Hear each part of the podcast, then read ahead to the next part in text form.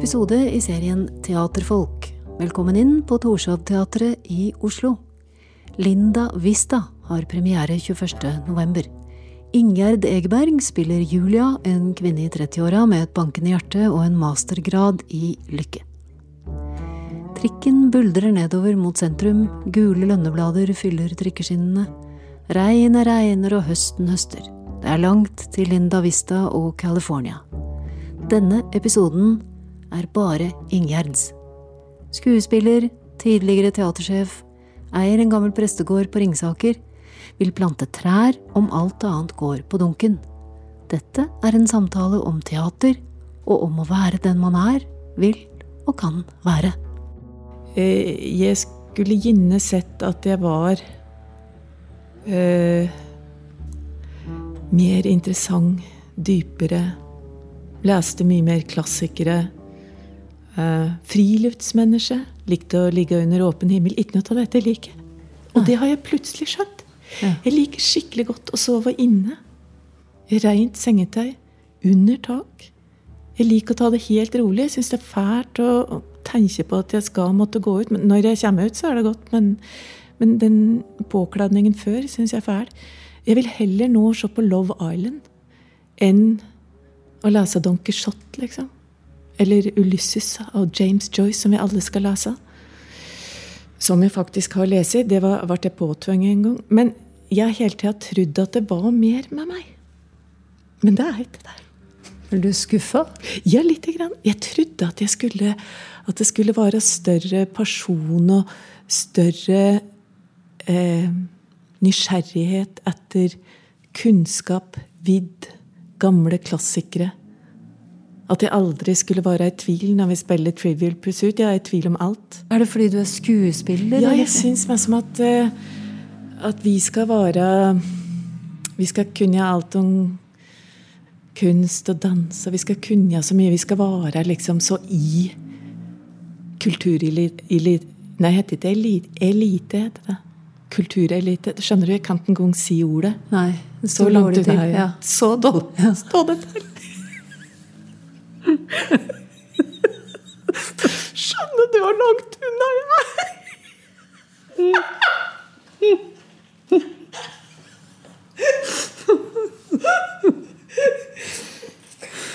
Så sånn kan det gå. Ja. Kan du tilgi deg selv alt dette? Jeg har begynt å gjøre det. Fordi at eh, det er så mye jeg liker Eller det er ikke så mye. Nei. det er så mye forskjellig som, som eh, jeg driver med, som mange kanskje i mitt yrke ikke ser på som så fryktelig interessant. Så eh, jeg har bare begynt å godta hvem jeg er. altså. Det går, mye, det går ganske fint. Nei, jeg, jeg, jeg veit ikke, men jeg er ganske, nå er jeg ganske Jeg har forsonet meg med det. Det er en ganske deilig eh, følelse. Eh, at jeg, når jeg gjør ting nå, så tenker jeg til hele tida hva jeg burde ha gjort. Ordet 'borde' er det verste jeg veit. En må gjøre noe, og så skal en gjøre noe. Men en burde aldri noe. Det, må folk, det, det ordet må strykes. Er det da sånn at du kan akseptere må, men at du stryker bør? Ja. Jeg tror kanskje ikke jeg hadde sagt det når jeg var 22. Nei. Nei. Er det en trøst, en for, er det en form for belønning å finne ut at eh, ting du eh, kanskje for noen år siden hadde hatt litt dårlig selvtillit på, at du aksepterer dem som en del av din person? Aksepterer deg selv? Ja. Eh, Jeg tror det forandrer seg Gjøremåla forandrer seg med alderen. Og nå når jeg både har tatt vare på mor og far, på et barnebarn og på en tenåring, eh, så syns jeg jeg har gjort nok. Da er det som kravet til meg sjøl om ytterligere da å skrape av maling på vegga for å finne at de gamle sjablongmalingene ikke blir eh, førsteprioritet lenger. Eh, så jeg tror jeg har begynt å, å eh, skille mer på eh, nødvendig og overskuddsprosjekter. Du og mannen din kjøpte for noen år tilbake en stor, gammel prestegård, er det det? Embetsgård, Ja. som heter Dusgård. Ja. Som ligger på Ringsaker. Nei, det var Altså, det var Vi kjøpte jo Dusgård fortere enn jeg noensinne har kjøpt ei bukse. Det var, det var sånn eh, kjærlighet ved første blikk. Det huset har en så mild tilstedeværelse, slik at jeg tror det er så innfeste. Eh, og så eh, innbedt. Det har jo bodd så mye prester der. Jeg tror det har vært sagt opp så mye bønner der. Og vært festet så mye der. At eh, folk som kommer inn Jeg har ikke hørt én som har sagt eh, Å, blitt dette stort, er dette skummelt å bo her alene? Nei, folk bare får sånn momentan Nei, her vil jeg være. Eh, for det det er Det er bare koselig. Det er et godt hus. Er du mørkredd? Jeg var. Før dere kjøpte dette Ja. store stedet, Dusgård? Ja, ja. Og det var til og med folk som sa at de hadde både hørt og sett eh, spøkelser. Ja. Der, det, var, det visste alle folk på Ring. At på Duskoi spøkte det. Og jeg hadde til og med ei venninne der som så eh, ei lita skrukkete dame som kom ut ifra et kutt oppe i antasjen. ja. Eh, og da tenkte jeg nei. Da hadde vi bodd der i tre måneder. Så tenkte jeg skal vi ha en blind passasjer på et kutt oppe i antasjen? Jeg orker det ikke, jeg orker det ikke. Og så eh, bestemte jeg meg bare for at eh, nei, det orker jeg ikke å være redd for engang. Så når den døra åpner seg når vi går opp trappa, så sier jeg bare hei. Går alt bra? Og så har jeg hatt døra. Det er klart at den åpner seg fordi at jeg tråkker på ei bol, bolbjelke, eller hva det er for noe. Eh, I gulvet, og så åpner den seg. Men skulle det mot formodning være spøkelser der, så er de skrekkelig snille. Og da kan jeg like så godt ha dem der. Så jeg er mye aleine på Duskar. Aldri redd. Jeg har aldri helt forstått hvorfor spøkelser skal være slemme. Nei, nå har jeg òg sett på Åndenes makt i rekken av TV-programmer som en absolutt ikke skal se på. Var det før eller etter dere kjøpte Dusgård? Nei, det var etter. For du skjønner, vi har hatt folk der inne. Vi hadde en feier en gang. For hadde, vi hadde så mange rare ulyder i pipa. Eh, så jeg kontakten feier, så jeg lurer på om det har altså, dødd ei kråke, eller om noe har festet seg i, i pipa vår. Så kom han inn, han, og medhjelperen hans. Så sa han hvor mange er det som bor her? Nei, det er meg og mannen min og, og dattera mi. Nei, sa han, her bor det flere. Nei, sier jeg det. Østre. Nei, det Her det flere. Og så ble jeg litt irritert, for jeg tenkte er det en feier som er lat? At han ikke vil gå opp og gjøre jobben sin? Men, eh, men så gikk han opp. Fant ingenting. Så kom han att og sa Jeg er ikke noe i pipene dine, men eh, her bor det flere. En synsk feier. Ja, eller eh, sånn Hva heter det når man er sånn- Clair, Clairvoyant, er det det det heter? Når man tar inn den andre sida. Ja. Ja. Og da begynte jeg å se på Åndenes makt. Var det lurt? Nei, hva skal jeg si, ja? Jeg har et ganske Jeg har aldri hatt gleden av å se et spøkelse.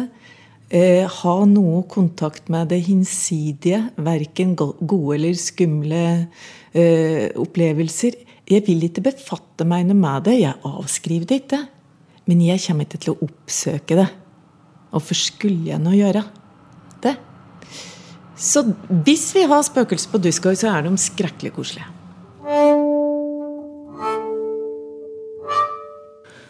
Du tok naturfag på videregående. Ja. du Romerike. Romerike. Hør, da. Realfag, og så teater på Romerike. Og så var du innom en bibelskole Ja. Og et grunnkurs i sosialantropologi. Og så Teaterhøgskolen, og ferdig i 1994. Det, det sier jo noe om at du Du må ha lett en stund før du fant fram til det du ble, da? Eller hva? Ja. eh, Jeg vil kalle meg det motsatte av nerd. Jeg kan litt om alt, men ikke mye om noe. Jeg er så lite nerdete, så jeg interesserer meg for ting sånn ca. et halvår om gangen. Eh, derfor kan det aldri bli noe liksom, stort ut av meg, tror jeg. For uh, så hopper jeg. Uh, og så kommer jeg på noe annet som kan være artig å gjøre. Og uh, ja, det sier den rekka der litt om. I alle bauger og retninger går jeg. kan ikke det være en fordel for en skuespiller, da?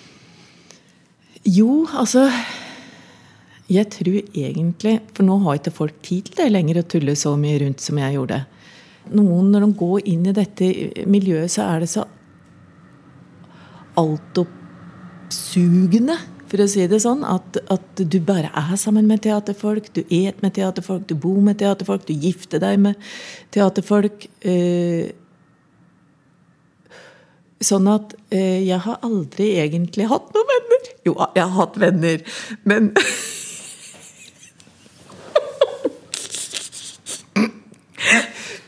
Har eh, Det er ikke innafor teatermiljøet jeg har hatt bestevennene mine. Så det er ikke Ingjerd venneløs? Jeg er ikke helt venneløs. Har noen? jeg har noen veldig trofaste. Hva med tro og sånn, da? Bibelskole og inn i en gammel embetsgård og hvor, hvor, er du der?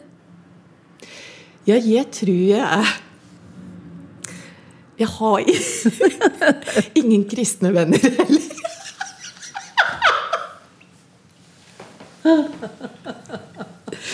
For det Der som Altså Når jeg blir forstyrra, eller hvis de, den gangen jeg hadde et kristent fellesskap, så var det sånn 'Å, kommer du neste gang?' Jeg, jeg vil ikke at noen skal forvente at jeg skal komme. Jeg vil ikke bli at noen skal uh, få noe tett forhold til meg. Jeg vil ikke være savnet hvis jeg ikke kommer. Um, jeg er en, uh, på det der så er jeg nok en ensom ulv i trua mi. Har ikke store misjoneringsbehov. Uh, spør folk meg, så kan jeg svare så godt jeg kan. Og det er det, liksom. Jeg går nok stille sammen med Gud. Jeg har ikke noe sånn større behov. Hvorfor har du Gud? Ha, Veit ikke. Hadde jeg kunnet svart på det Noen sier at det er en nådegave å få tru. Det høres jo litt sånn floskelaktig ut. og at liksom jeg skulle være utvalgt til å få den trua. Men jeg åpna for den en gang i ungdomsåra mine. Um, og har egentlig uh, brukt Gud som eh, ja, altså når jeg føler meg som Jeg har vel misbrukt den. For jeg har jo egentlig for det meste gått til når det røyner skikkelig på.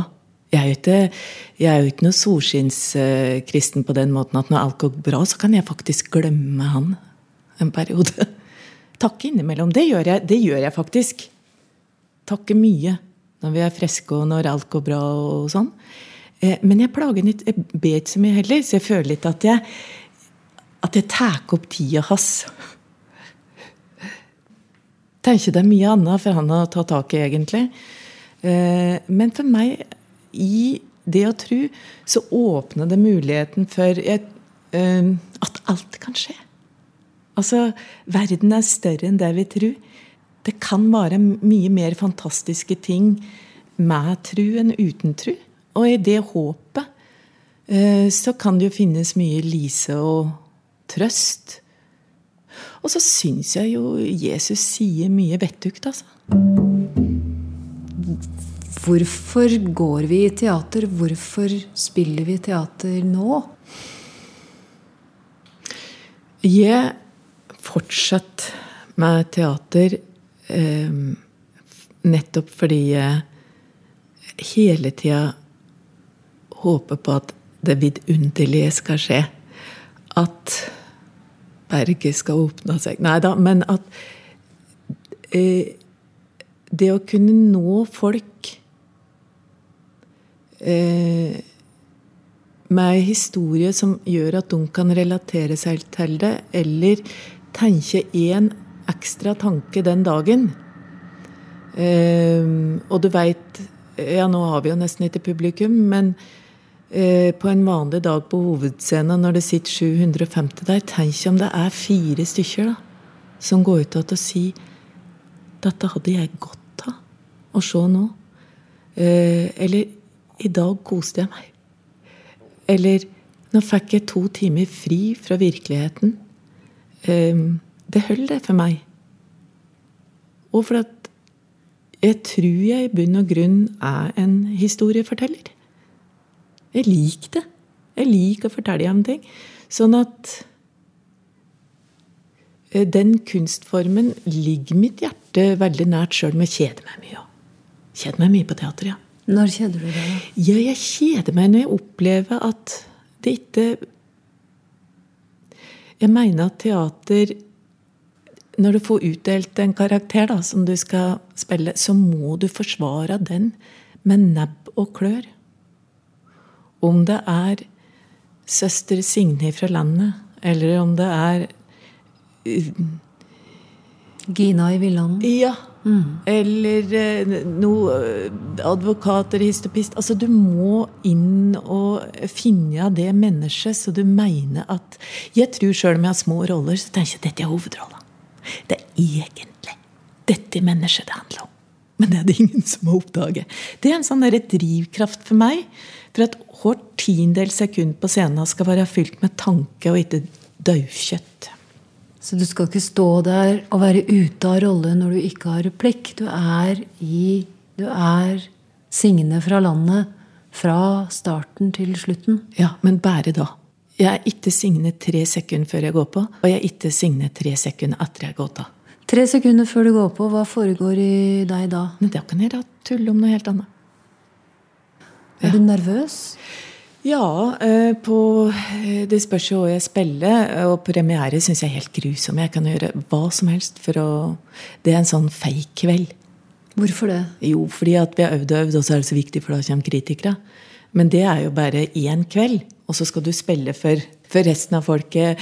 Uh, Når burde kritikere komme? det burde sånn? komme eh, kanskje på forestilling ti. Da har det satt seg, og så har vi begynt å leve det. På premierer er det bare nerver og uh, Ja, det er en tulleforestilling for meg. Og den stemninga som er på huset da, oppe i sminkeavdelinga, uh, som om det gjelder livet. Det gjør det jo ikke. Det må vi aldri tro. Men da er vi så nervøse. Hvorfor er vi det? For det er jo ingen som kommer til å dø hvis noe skulle gå galt. Eller hvis vi får dårlig kritikk. Eller jeg veit egentlig ikke hva jeg er redde for. Jo, vi er jåler. Jåler? Ja. Hvordan da? Vi vil ha gode kritikker. Vi vil at de riktige folka skal likes. Har du opplevd at du selv har i en produksjon kjedet deg med din egen rolle når du har spilt det 30 ganger? Jeg kan si det sånn at jeg har vel ikke direkte kjede meg når jeg sjøl har spilt, men i pauserommet mens en venter på den neste scenen en skal inn i, eh, så kan en kjede seg.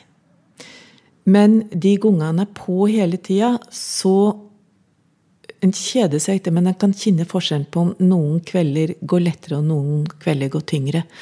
Og det er veldig vanskelig å sette ord på hvorfor det skal være sånn. Og det er noen ganger så rart. Altså Hvis publikum visste hvor stor påvirkning de hadde på oss eh, Det er helt frakt å kjenne forskjellen på et dødt publikum og et publikum som er med. Og dette er så rart, for en skulle jo tro at det var ca. jevnt fordelt hver kveld om folk som noen drar med seg folk i latter eller i en eh, stemning eller et eller annet. Men det er ikke likt. Noen ganger har vi liksom 200 dead faces, altså.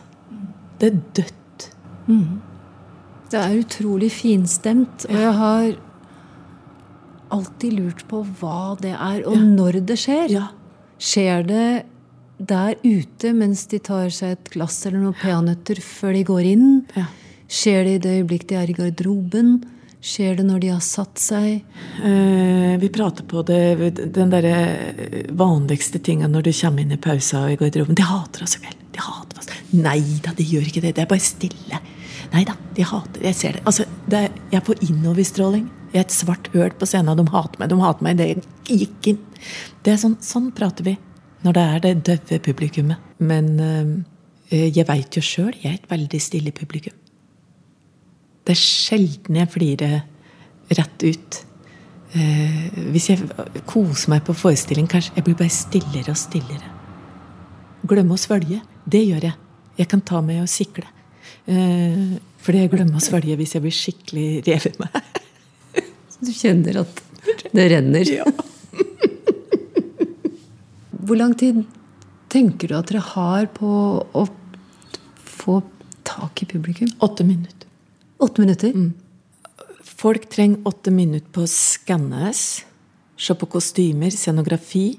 Det tar åtte minutter før, etter at lyset har gått, før konsentrasjonen senker seg. Det er en sånn, tror jeg, ganske vanlig folk som holder foredrag, eller altså en åtteminutters slack må du gi dem. Det vil si at du aldri skal komme med den viktigste informasjonen i løpet av de første åtte minutta. Veldig mange teaterstykker er sånn. Eh, det skal ut noe så vanvittig med informasjon til å begynne med. Det kan ofte være vanskelig for folk å få med seg. For de husker ikke etterpå? Nei. For da måtte de tenke på så mye visuelt og greier de skal ha med seg på en gang. da. Så først må det skannes, og så kan vi begynne å si viktige ting. Men så hadde jeg den opplevelsen nå når jeg spilte her oppe på Torshov sist gang, så spilte vi Måken Anton Tsjekhov. Det var Hanne Tømta, teatersjefen vår, som satte det opp. Og her har vi jo et veldig sånn nært forhold til publikum. Og der gikk vi jo rundt og pratet med publikum og sånn i forkant. Da var det, vil jeg si, jevnt over god stemning på alle forestillinger. Fordi vi fikk et personlig forhold til de vi skulle spille for, før vi spilte. Så de ble ansvarliggjort, tror jeg, uten at vi visste at det skjedde. Enda det verste jeg veit, jeg skulle bare privat rett før jeg går på scenen. Da, da går det i kryss for meg. Da veit jeg ikke hva jeg Jeg har gjort det så mye og mislikt det like mye hver gang. Men jeg ser det har en effekt. Nå er jo Torshov-teatret spesielt, og har alltid vært det, for rommet er så tett. Mm. Men det kan jo sammenlignes kanskje med Teater Innlandet som reiser til grendehus. Altså mm. Du kommer jo på sett og vis hjem til noen, for grendehuset er så veldig deres. Mm sted. Da. Mm. Et veldig lokalt sted med lokal forankring. Konfirmasjoner, dåp, ja. bryllup, fest. Ja. Eh, du veit, altså Det er jo ikke den gemene hop som er interessert i teater. Vi ser ofte de samme ansikta. Sånn er det. Vi skulle ønske det ikke var sånn, men per dags dato er det det. Men når du reiser på eh, grendehus, som du kaller det, eller rundt omkring, og det har jeg opplevd på Nordland teater og sånn, så, så, er det litt mer Og dette er ikke sagt som negativt uøvd publikum. De kan du enten miste helt, eller de kan begynne å kommentere mens du spiller. Fordi de faktisk ikke har fått den eh, de, mange av dem er ikke blaserte ennå. Og det er en ganske fantastisk uh, opplevelse når du får utbrudd i salen hvis du sier noe som de ikke hadde forventet. eller uh, sånn. Og det, når vi spilte den Vid din side, så handler det jo om at han um, som jeg var gift med, han fikk Alzheimer. Og det er et skambelagt tema for mange. Så vi ble jo kontakta av så mange etter forestillingen som ville stå igjen og prate om sin kjære som hadde fått det. Så vi hadde en slags sjelesørgeroppgave i tillegg. For da glemte folk at vi hadde vært skuespillere. Ikke opplevd det sjøl. Og det er ganske fint. Da begynte jeg å ha noe for seg mm. å drive med teater. Ja. Da er det ikke for jåleri at de riktige folka skal se deg, men da er det for at du faktisk vil fortelle den historia som åke som ser på deg. Hvordan lærer du en tekst, en lang, sammenhengende monolog f.eks.? Mm. Nå kan jo jeg bare prate for meg sjøl, for jeg har øh, funnet opp min egen eh, metode. For det første til trøst for alle som skal ha en bryllupstale eller holde en tale. eller et eller annet. Husk på, vi skuespillere har i hvert fall åtte uker å øves på. Det vil jeg bare ha sagt. Og det er ganske mye. Så jeg er jo et visuelt menneske. Det vil si jeg er lett å avlede. Jeg må høre nyheter på radio, jeg kan ikke se det på TV, for da ser jeg bare på folk har på seg. Og dette har jeg brukt når jeg har lange monologer, så fargelegger jeg tanker. Jeg fargelegger tanker med de farger jeg får i hugget når jeg tenker på de tinga jeg skal si. Så et et manus sier for meg Dette gjelder bare monologer. Eh, og monologer, det er jo det vi prater aleine.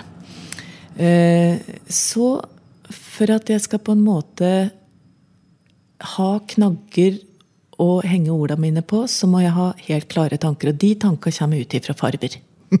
Høres veldig merkelig ut, men sånn fungerer hodet mitt. Um, også det andre som en gjør når en er i prøvetida og begynner å få inn tekster, er jo at for det meste gjør vi Vi står jo ikke helt stille opp og ned, sånn at vi flytter en stol, vi tenner et lys, vi flytter på en vase. Og da bruker vi det som kalles emosjonell hukommelse. Uh, og den er helt genial. Fordi at idet du gjør en ting og sier ord samtidig, så fester orda seg på en helt annen måte i kroppen. Alle som skal pugge til en eksamen, bør gjøre bevegelser samtidig som de leser. Da har de knagger å henge faget sitt på. Eh, og det er det vi skuespillere gjør. Det vil si at det verste som kan skje, er at du på generalprøva, på dagprøva da, at de legger om arrangementet ditt. Fordi du har hengt orda dine på et arrangement. Og det kan jo være sånn at du glemmer det du skal si, men hvis du kommer ved at du flytter vasen, så heng orda på. Sånn er kroppen vår. Det er derfor vi blir dårlige hvis kroppen vår opplever noen har opplevd før. Nå i en trygg situasjon, sist gang den opplevde det i en utrygg situasjon. Kroppen vår husker alt. Også tekster. Så der er det jo våre eh, teknikker for å få eh, tekster til å sitte. Og når det ikke er monologer, så lønner det seg å høre på det medspilleren sier, for der pleier det å være et clou til det du skal si neste gang. så sånn er det. Sånn gjør jeg det.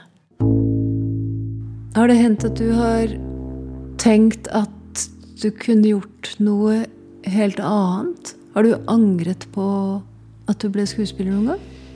Uh, Altså, jeg tenker jo på det hver kveld når jeg går fra middagsbordet og skal opp og spille teater.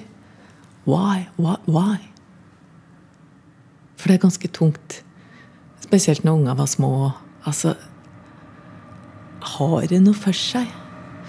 Uh, og hvis Fram til nå så har jeg ikke hatt noe alternativ.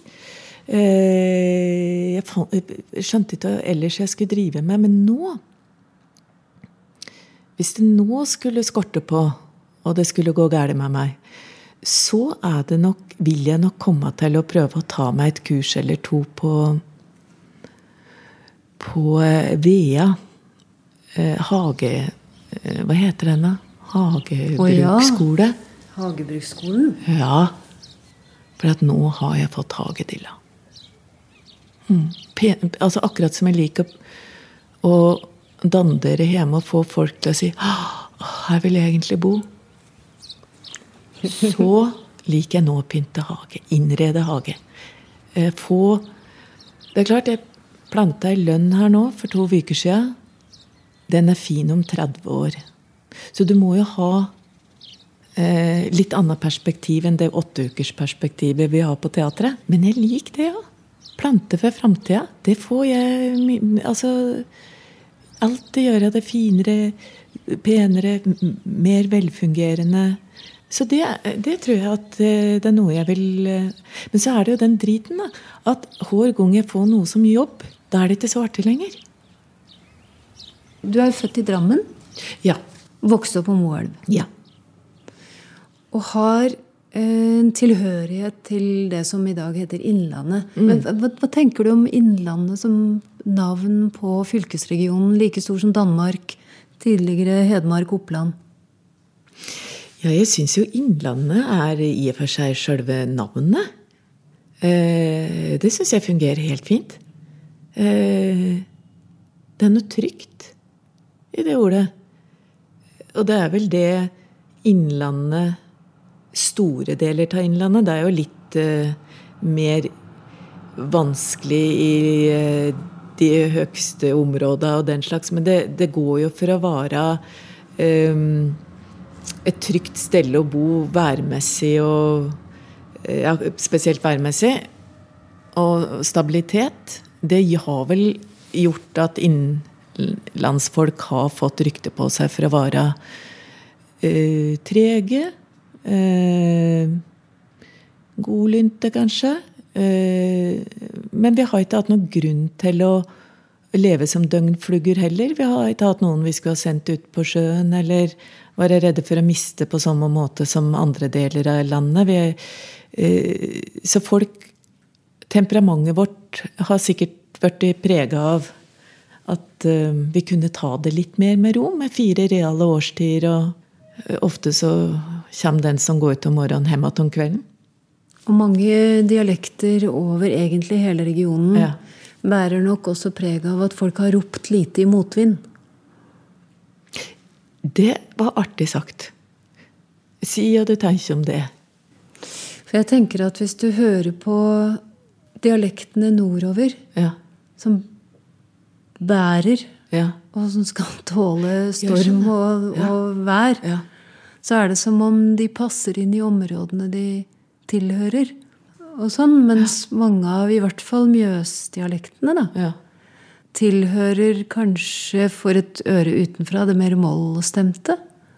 Dette er artig. For det, eh, vi hadde nettopp nå på den Linda Vista som vi driver med nå der skal alle, Nå er det jo mye, mye mer i teatret at vi alle bruker vår egen dialekt. Altså Om vi vil det litt, så er vi best på vårt eget morsmål. Det er jo, Identiteten sitter jo i språket. Jeg har jo måttet spille på bokmål, og, og på nordnorsk, faktisk, når jeg jobba på Hålogaland teater i tre år.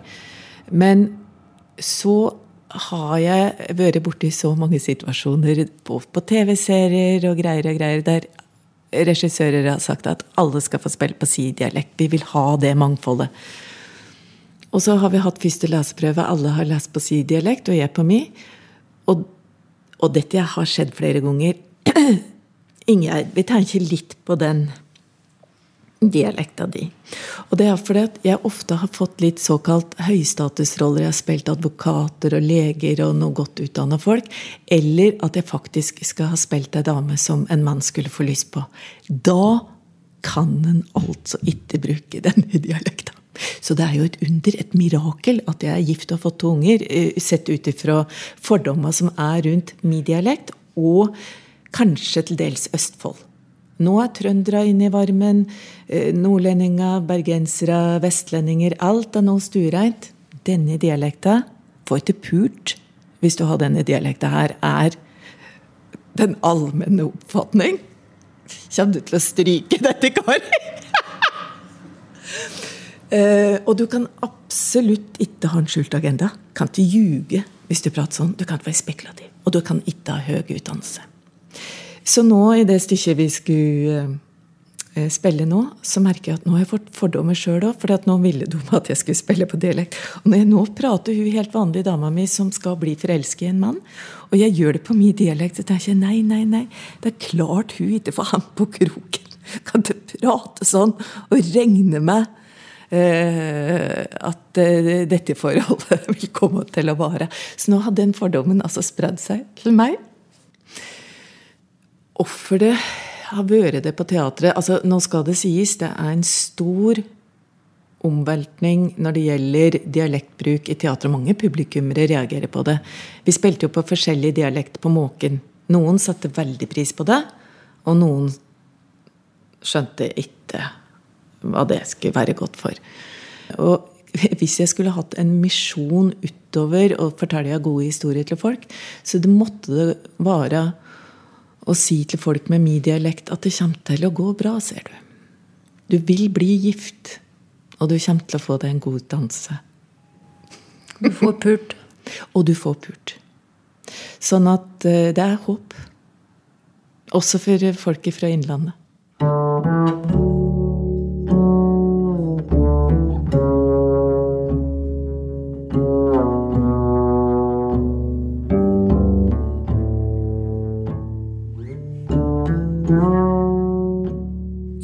Neste episode av Teaterfolk møter du skuespiller ved Hamar teater, Anders Kippersund.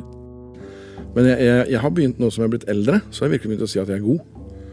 Og det syns jeg Jeg ser det provoserer litt, de andre skuespillerne, men jeg sier ja, jeg er god. Teaterfolk lages for Teater Innlandet av meg, Kari Slottsveen. Produsent Unni Måløken. Musikken er komponert og framført av Ellen Andrea Wang.